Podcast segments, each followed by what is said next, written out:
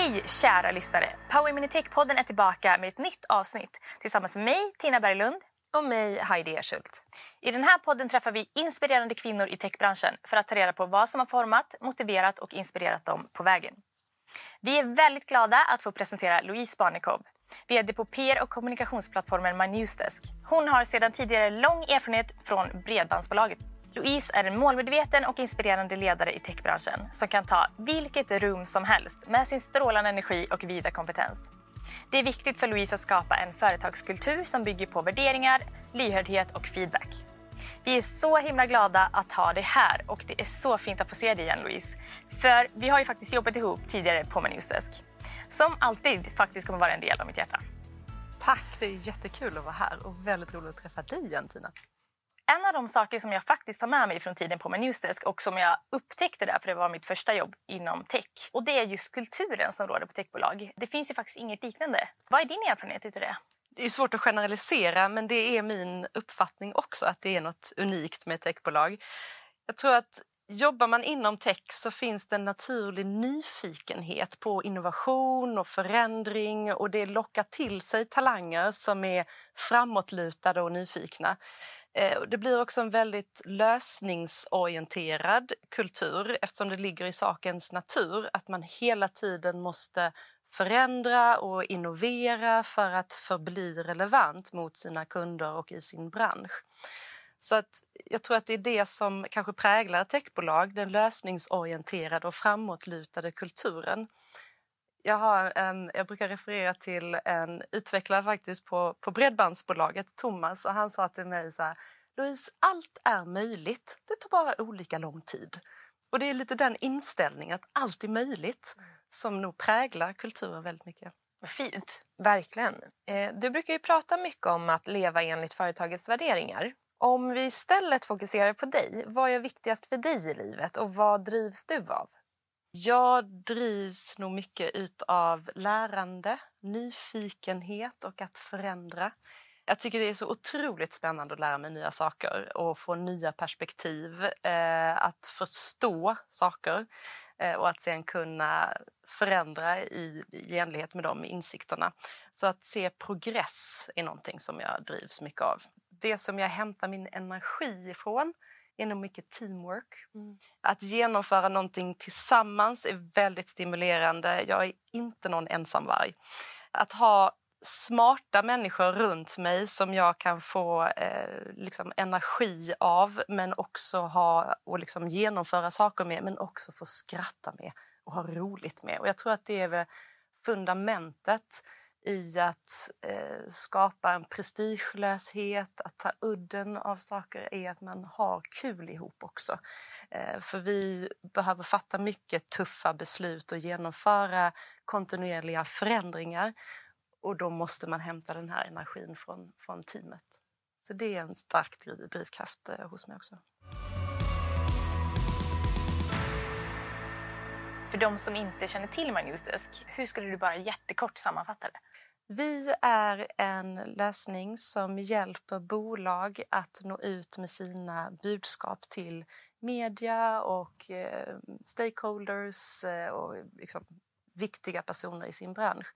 Eh, så vad vi gör är att vi tillhandahåller en plattform där du kan både skapa innehåll, alltså pressreleaser eller bloggar eller nyheter.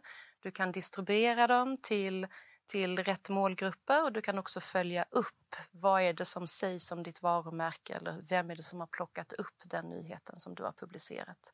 Och så har vi ett nyhetsrum som gör att man kan se professionell ut och lätt att få kontakt med eh, om man är journalist, att det finns en press officer som, som är, är kontaktbar med uppgifter.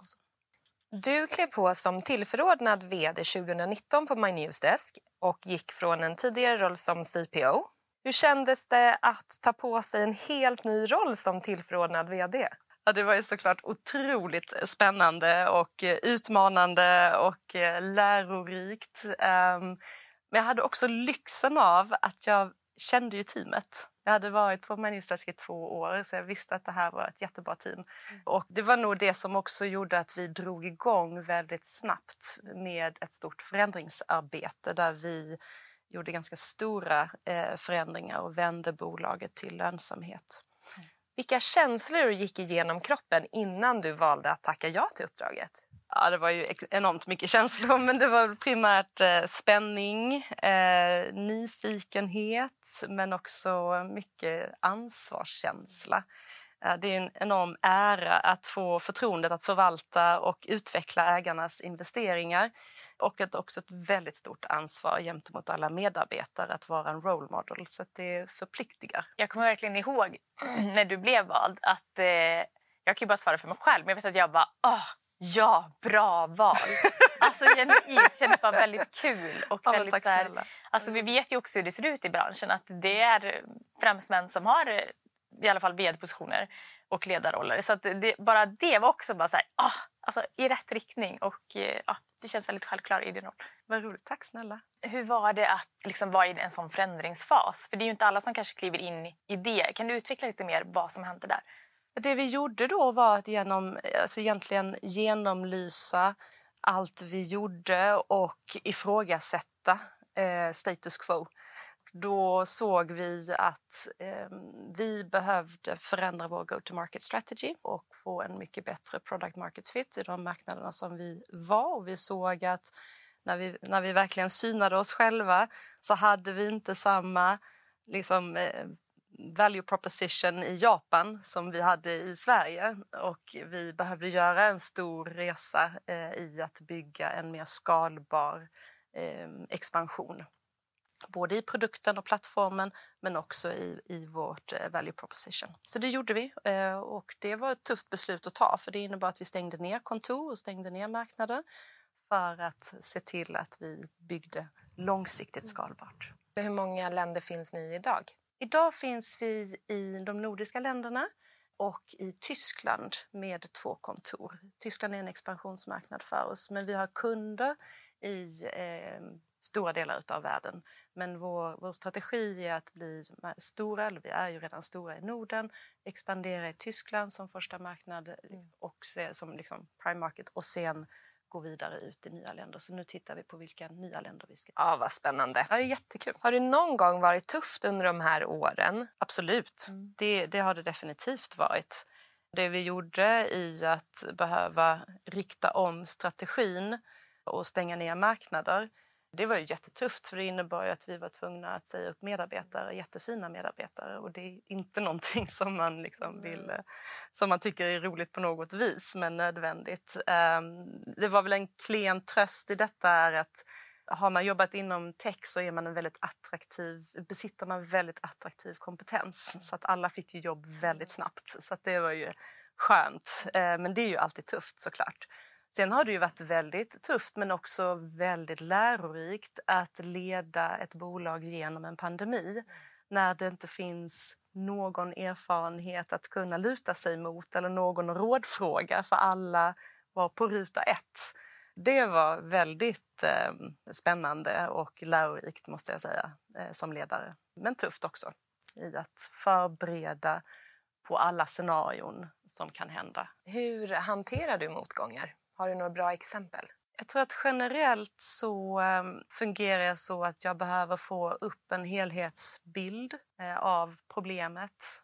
Och sen så, jag vet inte om det är min produktbakgrund, men sen, sen gillar jag att liksom, jag måste liksom, ehm, stycka ner det i beståndsdelar så att man kan börja ta den första action och liksom ta sig mot målet eller ta sig mot lösningen. För det skapar ett välbefinnande i att okej, okay, jag är ändå på väg mot en lösning det är svårt just nu, men jag är på väg mot läsningen.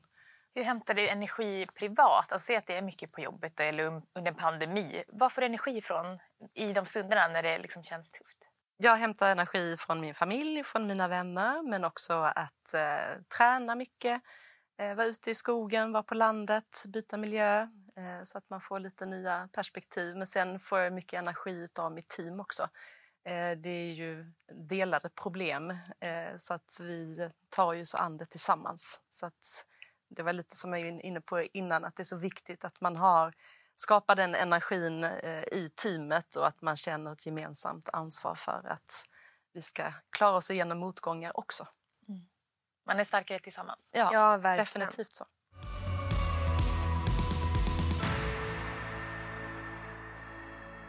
Men nu har du varit vd i över fem år. Eh, vilka skulle du säga är dina personliga egenskaper som du tror har varit viktiga för dig under den här perioden? Generellt att vikten av att tro på visionen, tro på produkten, tro på människorna, att tro på den resan som vi har framför oss är oerhört viktigt för att det engagemanget det lyser igenom. Eh, och det tror jag är viktigt, att man som ledare är engagerad och verkligen liksom går all in och tror på det man gör. Och det gör jag verkligen på Manusdesk. Vi har en fantastisk eh, resa framför oss och har haft en fantastisk resa. Vi firar 20 år i år, vilket är jätte, jättekul. Så det tror jag är viktigt. Men samtidigt tror jag eh, förmågan att vara pragmatisk, prestigelös, att hela tiden utmana status quo att liksom driva framåt och inte förblindas eh, utan att se saker för vad de är. Det tror jag är en egenskap som jag har som är väldigt eh, viktig i, eh, eh, i min roll. Att eh, fokus framåt. Jag brukar likna det med att man är ute och kör en bil. I att det finns en anledning varför man har en väldigt stor framruta och en liten backspegel att vi måste ha fokus framåt. Sen ska vi ha koll på det som har varit och förstå det, men fokus måste vara framåt. Vi kan inte fastna i backspegeln utan ha ett momentum hela tiden framåt. Du upplevs bland många andra fina egenskaper som väldigt positiv. Skulle du hålla med? Ja, jag tror faktiskt att jag är en positivt lagd person. Glaset är nog mer halvfullt än halvtomt. Mm. Mm, absolut. Det är absolut mitt intryck också. Vet, nu har ni inte träffats så länge men du kanske ändå håller Ja med men verkligen. Det känns som att vi har träffats massa gånger och vi träffades för första gången idag. Eh, du känns väldigt karismatisk och eh, så här, men härlig och bubblande personlighet. Tack snälla, detsamma. Ja, tack. Men vad tror du, vad kommer denna så här fina världssyn... Jag tänker att man har en positiv världssyn om man är en positiv person. Vad tror du att den världssynen kommer ifrån? Jag tror definitivt att det kommer hemifrån, från min familj. Vi är en stor, bullrig familj och har blivit fostrade med devisen att du måste vara din egen lyckas med. Det blir inte roligare än vad du själv gör det. Att man, och det väljer man. Det är ett aktivt val, den inställningen. Och också tror jag att det finns en inneboende trygghet i mig att det alltid finns en lösning. Alltså, och det tror jag väl också kommer från att man har jobbat med, eh, med produktutveckling eller att det liksom kommer från, från techsidan. Att det finns alltid en lösning på problemet. Mm. Och man kan vila i det. Sen kanske det inte blir den lösningen som du hade tänkt dig från början. Men det finns alltid en lösning. Och kan du vila i det så finns det ju något väldigt framåtblickande och positivt och, i, i den ansatsen. Mm. Det känns ju tryggt att ha det, den liksom med sig, den insikten. Ja, och det löser sig alltid. Mm. På något vis så löser mm. sig alltid. Det gör det alltid. Eh, och det, det, måste man vila i, att, att göra det eh, och känna en trygghet i det.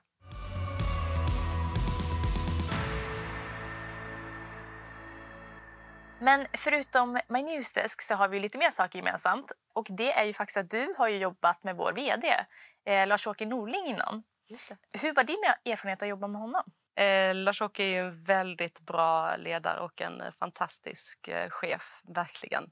Och en specifik styrka som jag skulle vilja lyfta fram var, att, var Lars-Åkes förmåga att se sina medarbetare han såg potentialen hos folk och lyfte upp dem och vågade satsa på oprövade kort. Eh, och jag är väl ett exempel på det, för han lyfte upp mig till rollen som produktchef för DSL, alltså bredband via telefonjacket. Och då jobbade jag på operations med logistik. Jag har en ekonomibakgrund, jag har inte någon techbakgrund. Eh, men han såg att men den här rollen grejar hon nog. Och det är en väldigt eh, fin förmåga att se andra människor och någonting som jag har tagit med mig. Ja, han gjorde helt rätt i det. Det kan vi konstatera. Vad tog du med dig för lärdomar av hans ledarskap? Ja, men det är väl just att ge frihet och ansvar och våga uppmuntra också intern rörelse. Eh, att få prova nya roller internt är ett, ett väldigt eh, bra sätt att röra sig till någonting annat än det som du kanske egentligen är utbildad till initialt. Och eh, vi har många exempel på det på, på My Newsdesk eh, och vi har ett väldigt färskt exempel eh, där en kille som jobbade som internationell mötesbokare sökte en roll som TA på HR Mm. och som fullkomligt briljerar i sin roll Ja, som TA. Och det där är så kul att se att när man, man ger andra möjligheter internt att, att eh, Det kan bli ännu bättre. det kan bli ännu Mm. bättre. Mm. Så det är jätte, det har jag tagit med mig. Och hur skulle du, Louise, beskriva dig själv som ledare? Jag tror att jag ger mycket frihet och jag tror på medarbetarna och att alla bidrar in till helheten. Jag tror inte att det är ledningsgruppen som sitter på facit utan det är mycket bättre att de som sitter närmast svaret har mandatet att fatta beslutet i, i enlighet då med vår, såklart, vår strategiska riktning och våra OKRs. Eh, för då får vi ett momentum, då får vi fart i organisationen. Eh, och att tappa fart är väldigt riskabelt i den branschen som vi är i. Det är liksom absolut eh, vitalt att vi får den typen av eh, ledarskap eh, där vi empower people. Sen är jag ju väldigt nyfiken och, av mig och vill förstå saker. Eh, så jag ställer väldigt mycket frågor eh, och vill ha väldigt mycket datadrivna insikter och, och analyser som, som, som visar på vart trenderna går. Så att det kan nog upplevas som utmanande av vissa att jag ställer mycket frågor. Varför blir de liksom utmanade? Nej, men jag tror att det är utmanande för att jag vill föda insikter. Ja. Eh, Jag tror att det är viktigt att man hela tiden... Det är samma tillbaka till våra värderingar. Challenge status quo. Varför gör vi det här? Vad är det för värde det bidrar med? Och den insikten kan inte vara en magkänsla. Nej, Utan det är någonting, då måste vi intervjua kunderna. Ja. Då måste vi titta på data. Mm. Då måste vi eh, bredda vår blick och, och prata med, med andra i branschen. Mm. Alltså det måste vara insiktsbaserat och inte magkänslebaserat. Nej. Det ställer ju implicit när jag ställer frågor så ställer jag ju krav. Att Ja. samla in och underbygga dina beslut. Mm. Så att vi är datadrivna och inte magkänsledrivna. Men jag håller ju med dig med datadrivet. Det är ju så, så viktigt. Så att jag tror så här, en viss magkänsla Ja. till 100 procent men data, Absolut. grundare på data än på magkänslan. Ja. Det är ju verkligen en konst att lära sig att lyssna. Hur utformar man ett ledarskap som bygger på denna egenskap? Eh, Jag tror att det kräver väldigt tydliga värderingar i vilket ledarskap och beteende man förväntar sig som bolag utav alla medarbetare. Eh, och vi på My Newsdesk vi har utformat vilka värderingar som vi har köpt in på och vill efterleva och det är någonting som vi pratar om tidigt i rekryteringsprocessen eh, men också kontinuerligt i, i bolaget. Eh, och bland annat så har vi en värdering som heter We Care som handlar om showing respect, staying informed. Det krävs ju att man lyssnar in och att man respekterar andra. Värderingen är ett väldigt bra styrmedel för alla, både för ledare men också för medkollegor att hålla fast i och, och, använda som ett verktyg i vardagen om man ser att någon inte riktigt är on track. Mm, verkligen. Nej, men värdeord är ju så himla viktigt. Det är också en del av vår rekryteringsprocess. Så pratar vi redan i första intervjun, första samtalet med eh, potentiella kandidater om våra värderingar. Och vad betyder de för dig? Det säger mycket om ett bolag tycker jag. Ja, då, vi är varandras arbetsmiljö. Mm, Så att verkligen. det, är så otroligt. det gäller inte bara ledare att lyssna eller medarbetare. Vi måste alla lyssna på varandra. Ja. Och att det verkligen ska kännas. Alltså att man verkligen andas kulturen eh, och värderingarna. Hur skapar man förutsättningar för personer som behöver olika typer av ledarskap? Jag tror mycket på transparens och öppenhet för att bygga tillit i relationen. Man ska känna sig trygg att kunna ge feedback. Eh, och det är bara genom feedback egentligen som man, som man utvecklas och kan bygga relationen ännu starkare. Det tror jag är en viktig grundpelare, tilliten. Men sen ligger det ju också i sakens natur att om du har valt att bli ledare så måste du vara intresserad av människor och nyfiken på hur man kan skapa bästa förutsättningar för att just den här personen ska växa. Så det blir ett individanpassat ledarskap. Men i grunden är det tilliten och dialogen och öppenheten som är fundamentet.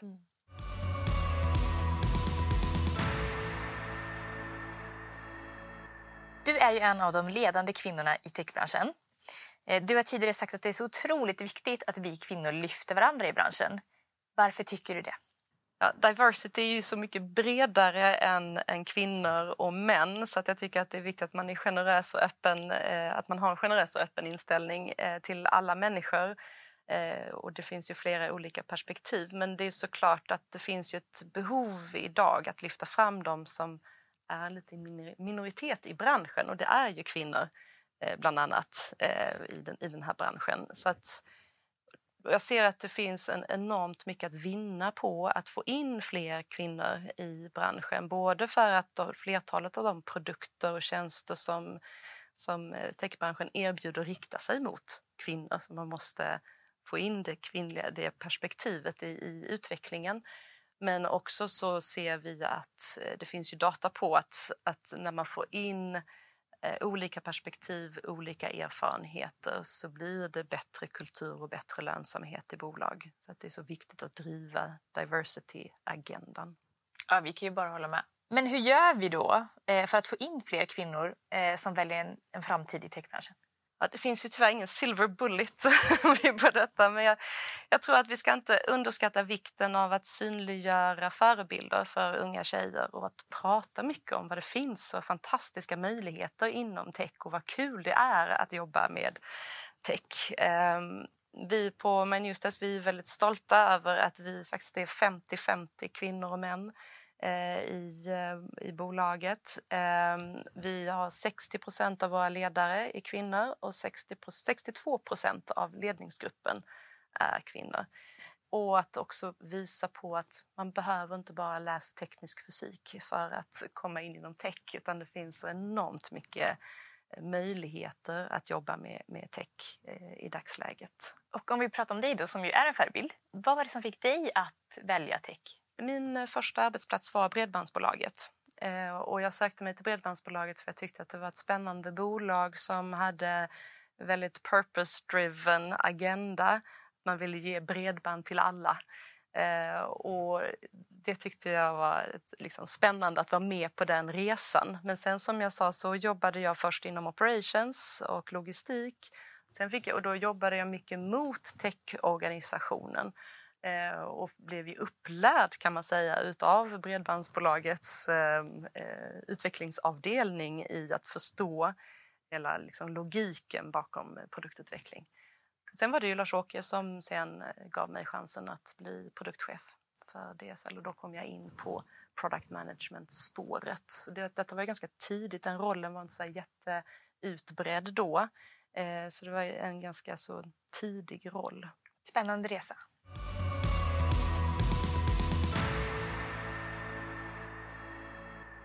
Så eh, handlar ju om att berätta en historia och förmedla nyheter som når ut och engagerar i bruset. Vi är nyfikna. Vad är din egna relation till nyheter? Alltså jag älskar ju nyheter. jag är så nyhetsjunkie. Jag ska hålla mig uppdaterad. Eh, det är ett viktigt sätt eh, för mig att förstå min omvärld och förstå vad som händer och eh, den nyfikenheten har jag inneboende. Eh, sen tycker jag att fri media är otroligt viktig roll i ett demokratiskt samhälle. Eh, och jag är väldigt stolt över att få jobba på ett bolag som existerar, liksom, eller får liksom, bolag att samexistera med journalister och att få möjligheten att bolag får berätta sin historia. Eh, och att vi har en roll att spela i medielandskapet. Mm. Jag konsumerar väldigt mycket nyheter älskar P1 till exempel. Jag eh, älskar alla möjliga vetenskapsprogram och ja, konsumerar nyheter på många olika plattformar. Mm. Det känns ändå som det går lite i linje med vad du har berättat hittills. Som att så här, du gillar att, liksom, lärande och eh, du är nyfiken. Och, ja. Är det standard aktuellt klockan 21 eller är det 20? Ser jag som. Nu, nu kan man ju titta på Play. ja, ja, just det. Det är ett tryckbolag. Så jag, jag kollar på Aktuellt men kanske vid lite senare tillfälle på kvällen. Shoutout till Aktuellt känner jag nu. Ja, eller hur? Men Manjusisk har ju som du säger en stor del i nyhetsrapportering. Eh, och i samband med valet förra året då tog ni reda på vilka känslor som gömmer sig i nyhetsrapportering om svensk politik med hjälp av AI som ju är högst aktuellt. Vad betyder AI för framtidens PR skulle du säga? Det är väldigt roligt att ni kom ihåg att vi gjorde den här TV4-intervjun. Eh, eh, och det är ju en produkt också av att vi ligger långt framme inom eh, AI på Menusdesk och vi har fantastiskt duktiga medarbetare som är nyfikna och vill ta reda på saker och ting med hjälp av vår, vår teknologi. Och vi tror ju att AI betyder väldigt mycket för framtidens PR. Vi är ju mitt uppe i en revolution kan man säga, mm. där just det som kommunikatörer gör, alltså generera texter, är ju nu i stormens öga. Det är precis det det handlar om, generativ text och generativ intelligens. Vi tror att AI kommer att förstärka och hjälpa kommunikatörer Eh, inom PR-branschen. Det är vår absoluta hållning, för vi ser att kommunikatörer idag har en eh, väldigt eh, hård arbetsbelastning. Deras roller har breddats. Du måste kommunicera i fler kanaler, du måste kommunicera mera. Eh, du har fått mycket, framförallt efter pandemin, också mycket på dig i rollen att eh, kommunicera internt mycket mer. Det interna och det externa måste hålla ihop. Eh, och det gör att AI kommer kunna, eller gör redan idag, avlasta ju kommunikatören så att kommunikatören kan fokusera mer på det kreativa, den strategiska storytellingen. Där, där ser vi väldigt nytta mellan AI och eh, den mänskliga valideringen egentligen utav det AI kan generera. Jag såg också att ni nyligen haft ett event om AI och kommunikatörer och PR. Vad fick de med sig för insikter? Jag tror att de fick med sig att eh, det finns oerhört mycket att få hjälp av. Kommunikatörens roll är inte obsolet utan det kräver enormt mycket ansvarstagande, det krävs validering, det krävs ännu mer tror jag framåt att man vet att den här nyheten står någon bakom. Det är någon som har validerat den, jag kan ta kontakt med den här personen, jag vet vad det finns för agenda för den här nyheten. Eh, och det kommer vara en viktig roll framåt när det kommer vara mycket som är automatgenererat så blir just ny, trovärdigheten i nyheten stärks ju av att det är någon som faktiskt äger budskapet, står bakom budskapet och som du kan kontakta och validera med.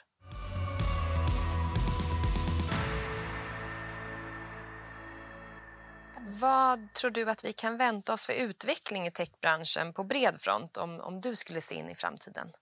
Jag är övertygad om att, att AI kommer vara helt fundamentalt i eh, allt framåt i, genom alla organisationer, alla produkter för att eh, förbättra och förstärka det som vi vill åstadkomma som människor. Jag tror att AI inom ett år är en hygienfaktor. Jag tror också att ett område som kommer revolutionera ännu mer är inom health tech. Att vi genom att kunna analysera oerhört stora datamängder och, och, och scenarion kommer att kunna förbättra både läkemedelsindustrin men också hur läkemedel kanske eh, interagerar med varandra eh, och att få en, en bättre vård på mer individbasis. Jag tror att vi, det är helt vitalt för den klimatförändring som vi står inför att vi använder AI för att hitta nya lösningar, både för att vi måste ekonomiskt men också för att vi måste rent eh, utifrån eh, sense of urgency här i det, den eh, utmaning som vi står inför. Så att, eh, jag tror bara vi har skrapat på ytan vad AI har för betydelse framåt för samhället. Men det viktiga är att hantera det med stort ansvarstagande, eh, med goda avsikter och ansatser. Och där tror jag det är viktigt att vi på politisk nivå i Sverige sätter oss in i vad som händer inom det tekniska, de tekniska innovationerna och har en mycket mer tydlig AI-strategi. Och jag har en upplevelse av att det finns mer att göra på den mm. fronten utifrån ett um, överordnat politiskt um, engagemang. Ja, det känns ju verkligen som att eh, AI håller på att ta över eh, och, ordentligt. Eller förstärka. Eller förstärka, ja men exakt. Ja, men precis. Och nu har vi ju kommit fram till eh, en av våra favoriter i programmet eh, som vi kallar Fyra snabba. Och då är vi, Louise, väldigt nyfikna på Vilken är den första appen du öppnar på morgonen? Och Du får bara välja en app. Omni. Omni. Ja. Såklart. Ja, Älskar Omni. om det är Jag bra. har ju jobbat på Schibsted också. Så Ja, lite förkärlek för Omni. Ja. Ja, men bra. Omni. Eh, hur mycket skärmtid har du? Ja, det beror på om man tittar i mobilen eller på datorn.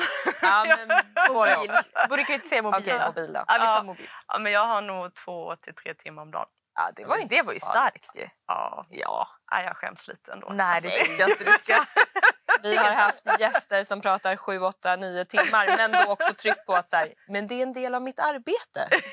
Och jag kommer inte skämmas för det. Nej, exakt. Eh, vilken app kan du inte vara utan? Det är nog Whatsapp. Eh, för där är alla familjeslingor. Att där blir man uppdaterad med vad som händer i familjen. Och den sista, en app som du vill tipsa om. Eh, det är nog McKinseys Insight App. Den är jättebra. Väldigt bredd på spännande artiklar och perspektiv som, och väldigt lättspält format. Den var ny. Ja. Ett litet tips till er där ute.